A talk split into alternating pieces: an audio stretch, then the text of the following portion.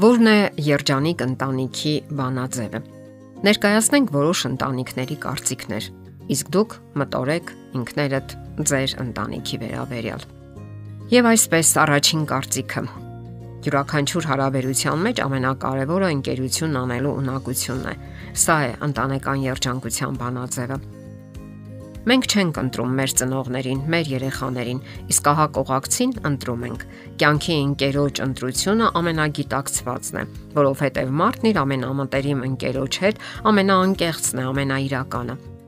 Կյանքի ընկերոջ կողքին անհետանում է եսասիրությունը։ Չես փորձում փոխել նրան, հարգում ես նրա անձնական տարածքը, լսում եւ միշտ փորձում ես հասկանալ, աջակցել։ Ընկերությունը երջանիկ եւ անխափան հարաբերությունների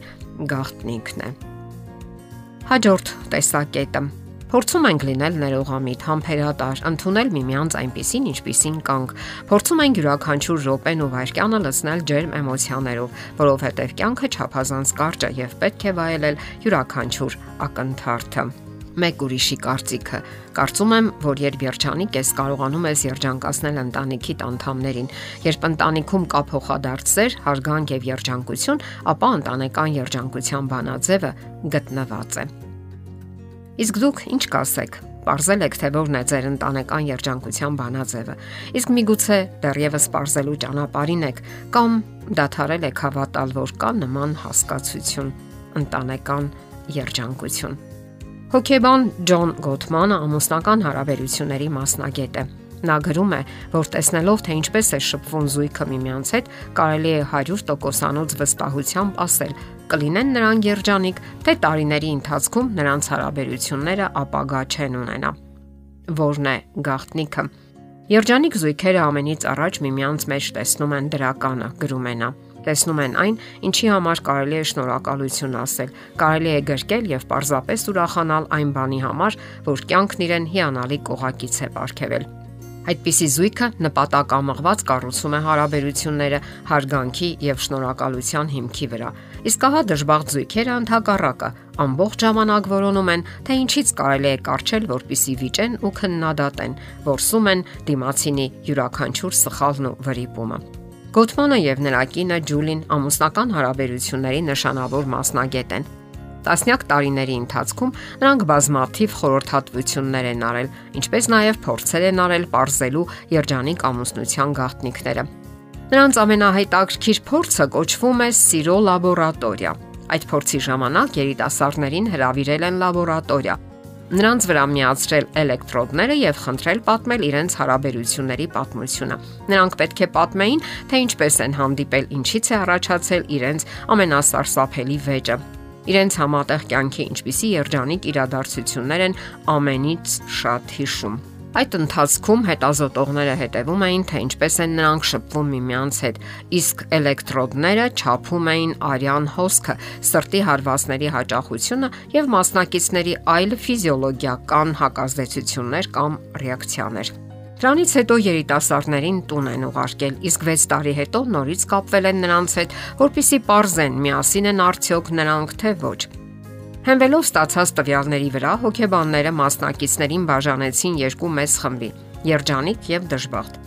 Երջանիկներին հաջողվել է պահպանել ամուսնությունը այդ 6 տարիների ընթացքում, իսկ դժբախտները կամ բաժանվել են, կամ ապրելով միասին տարապել են։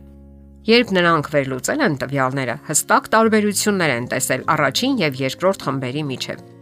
Այսպես, ապագա դժբախտ զույգերը պատմելով իրենց կյանքի պատմությունը արտակինից հանգիստ են թվացել,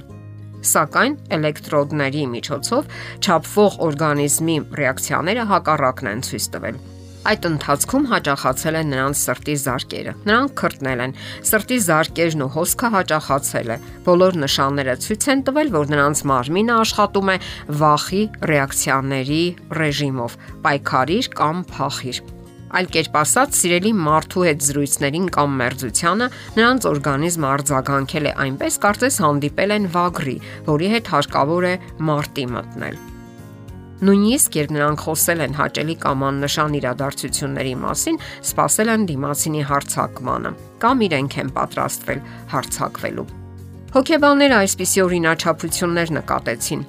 Որքան ակտիվ են նրանց օրգանիզմներն արձագանքել, այնքան արագ էլ նրանց հարաբերությունները քայքայվել են ժամանակի ընթացքում։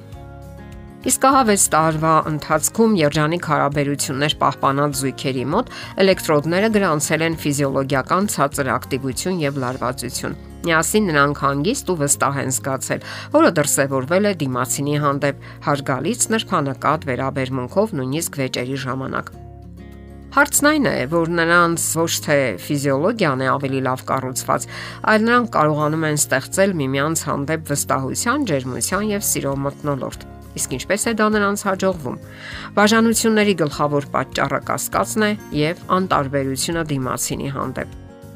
Նրանք, ովքեր չնչին առիթներ են որոնում քննադատելու համար եւ սովոր չեն հարգանքով վերաբերվելու զուգընկերոջ խնդրանքներին, 50%-ով բաց են թողնում այն դրական բաները, որ անում են իրենց համար, ինչպես նաեւ տեսնում են բացասական բաներ այնտեղ, որ դրանք անգամ չկան։ Դրանով նրանք սպանում են ոչ միայն իրենց սերը, այլև բարի բուն իմաստով իրենց սիրելի